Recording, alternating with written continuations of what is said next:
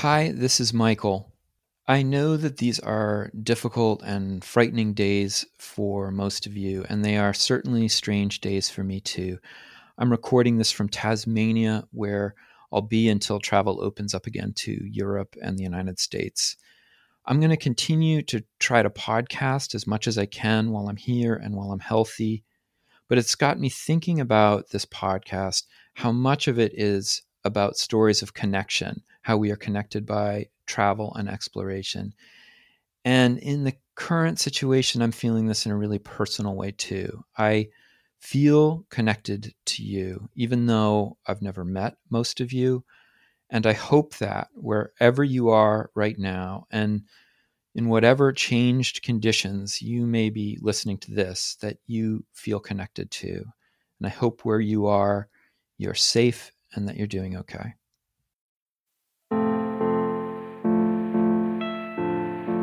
People have known for a long time that if you climb higher on mountains, the air gets thinner.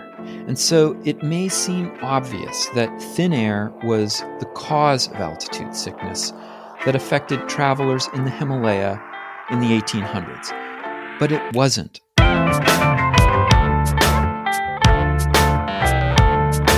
It's time to eat the dogs. I'm Michael Robinson. Today, historian Lachlan Fleetwood talks about the debates about altitude sickness in the Himalaya and the way these debates became tied up with ideas about the physiology of Europeans and Himalayans.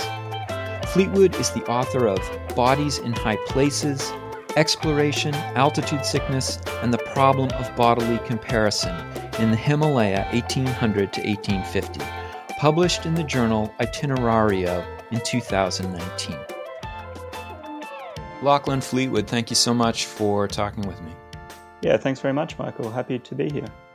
So, your essay looks at Europeans and uh, local Himalayan peoples in the Himalaya in the early 1800s. I was wondering what brought Europeans to the Himalaya and what kind of climbing were they doing there?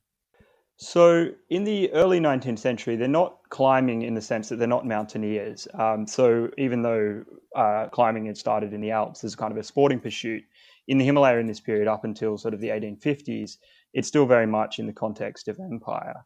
Um, so surveying the mountains as a frontier. So they sort of initially think the Himalaya are this sort of reassuring natural barrier, but sort of the closer they look, the more they find this honeycomb of passes. And that brings insecurity about sort of Russian or Chinese activity on the other side of the mountains.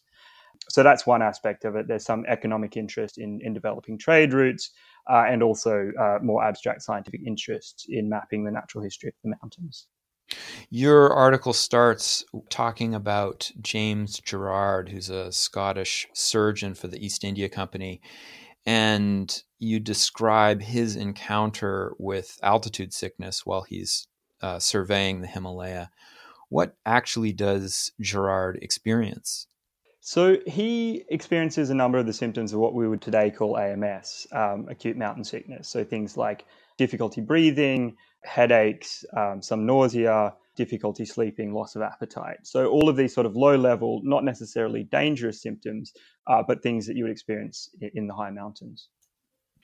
I found it kind of interesting that in your description of Gerard and the quotations that you give from his writing, that he mentions the thinness of the air, but then he says that it's actually not quite clear what the causes of altitude sickness are. And it made me wonder what did scholars and scientists think about air at this point and and why did Gerard think that maybe it was something besides it just being thin air yeah so there is and, and I think that's a central problematic for this whole sort of story and why it's so interesting is that they didn't necessarily understand uh, altitude sickness as a kind of discrete phenomena. So it wasn't always clear when you're feeling unwell whether that there was something actually medically discrete about high mountains or if you were just sort of fatigued, tired, and hungry as well. And so 18th century accounts don't, in the Himalaya at least, don't necessarily point to altitude as being a distinct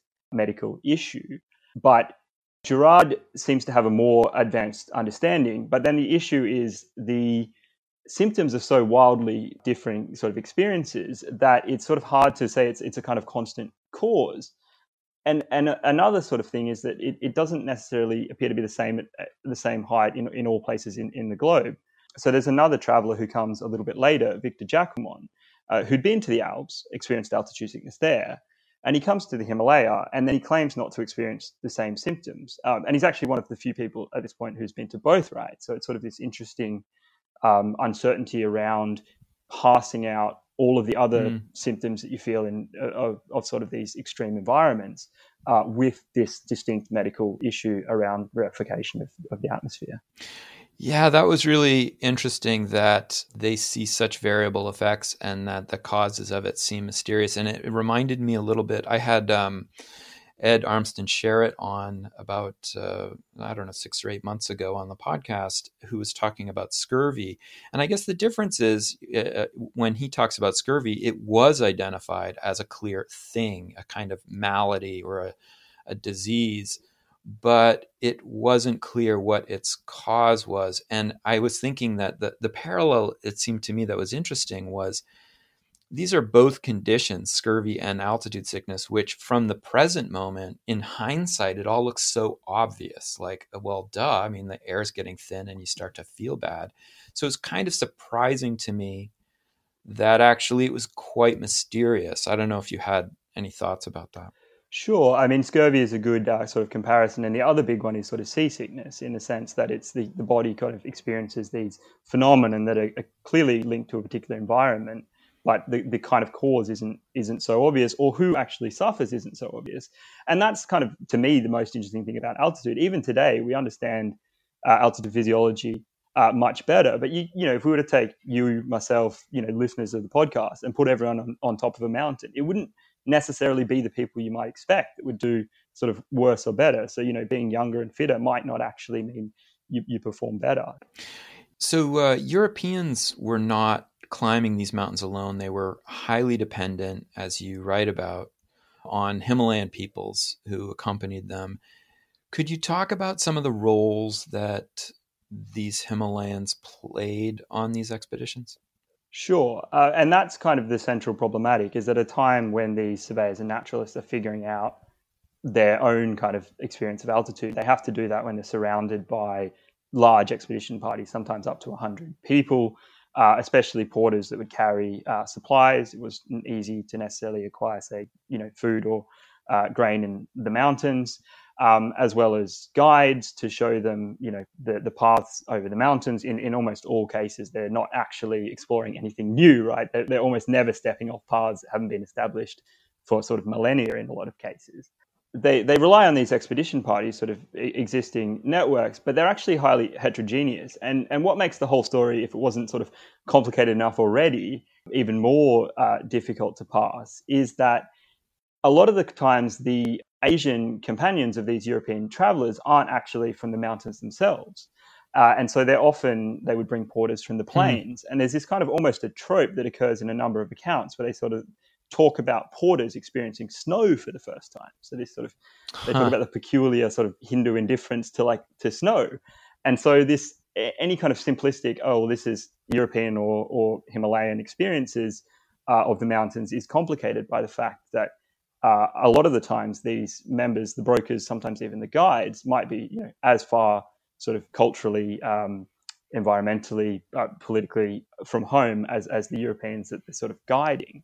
Yeah, that's really interesting. And uh, in fact, um, you also write that a lot of the the people who are accompanying the European climbers and surveyors have their own explanations for altitude sickness, and they and they sometimes vary. What what were some of the explanations that uh, local Himalayan peoples used for describing it? So it's hard with the sources that we have to actually get at a uh, at the indigenous topography of of the mountains.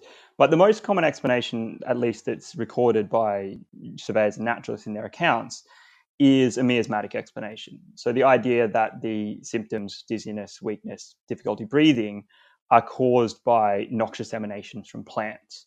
And so this idea of a, a poisoned wind, this bishki hua, and it's um, something that's recorded right across the Himalayas. So there are some local variations, but you hear about it in the east, you have it in the Karakoram, uh, even back into antiquity. So there's a, a, Chinese pilgrim called Faxian who records the Karakoram and calls them the, the Sungling, so the Onion Mountains. So there's this association with uh, a miasmatic explanation.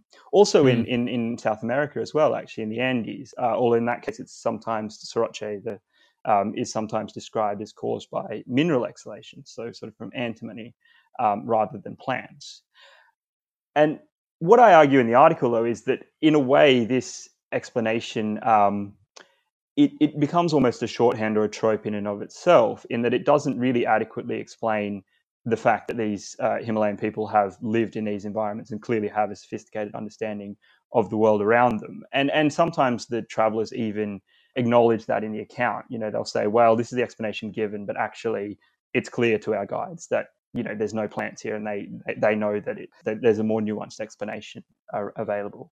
Yeah, and you you mentioned that there are perhaps motives that would account for why local peoples would rely upon this trope rather than get into a lengthy explanation of what they they really think.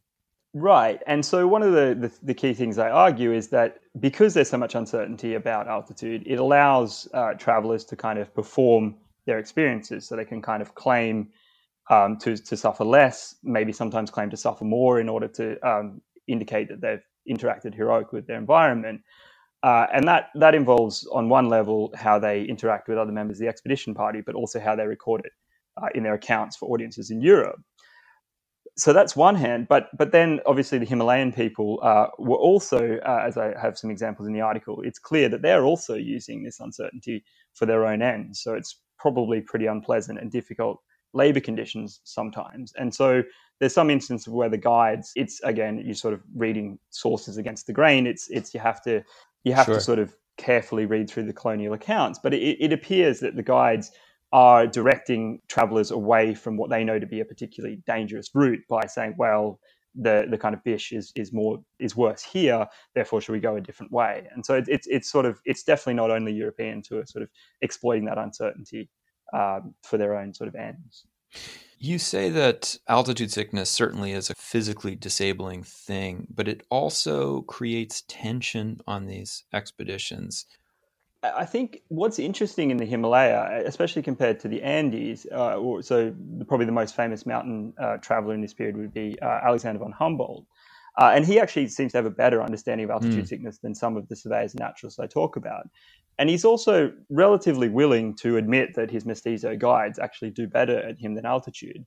Whereas in the Himalaya, that seems to not be the case. There seems to be this sort of uh, amazingly sort of unconvincing in some cases sleight of rhetorical sleight of hand to imply that European bodies are actually doing better. So there's I, I talk about in the article a, a tension mm. between the trials of the body, the idea that you have had to go to a place, experience it, and that gives authority to your account.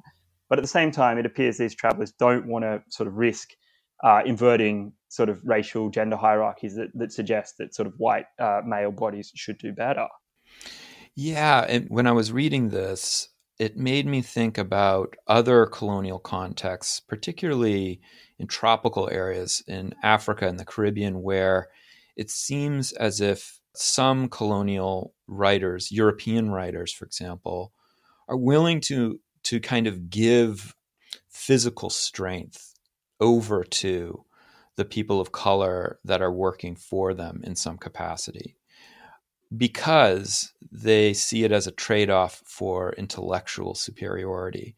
And I was wondering if this was in effect in your story or whether it sounds almost as if the, these European surveyors and climbers are holding to this kind of uh, ideal of physical superiority over Himalayan people? Yeah, I, I, think the the difference in the early period of altitude sickness is that they didn't necessarily understand long term adaptation. So by the 1850s, there's more of a sense that uh, you know short term acclimatization. If you spend time at altitude, you'll you'll do better. But there isn't a sense necessarily that Himalayan people are especially adapted to, to their high altitude homes. Uh, and so the, the kind of myth of the climbing Sherpa, which is itself developed in the sort of late 19th, early 20th century, isn't something that that uh, features yet in this story. I had Vanessa Heggie on the show about uh, a year ago, and she was talking about uh, altitude physiology in the 20th century. And I know you are very familiar with her work as well. And she's interested really in looking at altitude physiology as an example of field science in the 20th century that's often overlooked. And I was wondering how your work in this earlier period, in the early 1800s, how does it compare with the kinds of things that altitude physiology science is doing, you know, after the turn of the 20th century? Sure. Uh, yeah, I mean, Vanessa, Vanessa's work is great. Um, her sort of article in the Gasping Lung and, and recent book Higher and Colder, um, which I which I talk a little bit about. I think where my contribution or where where my look at the early period is different is that it's not yet that kind of systematic scientific study. So she sort of begins with Paul Bert uh, and his uh, attempts to sort of recreate the conditions on Everest using a pressure chamber, whereas my story sort of finishes at that point um, when even if some of the complexities around things like partial pressure and the mechanism of altitude sickness isn't necessarily known, still it's become apparent that if you go into mountains, you will definitely experience some symptoms, maybe to a higher or lesser degree.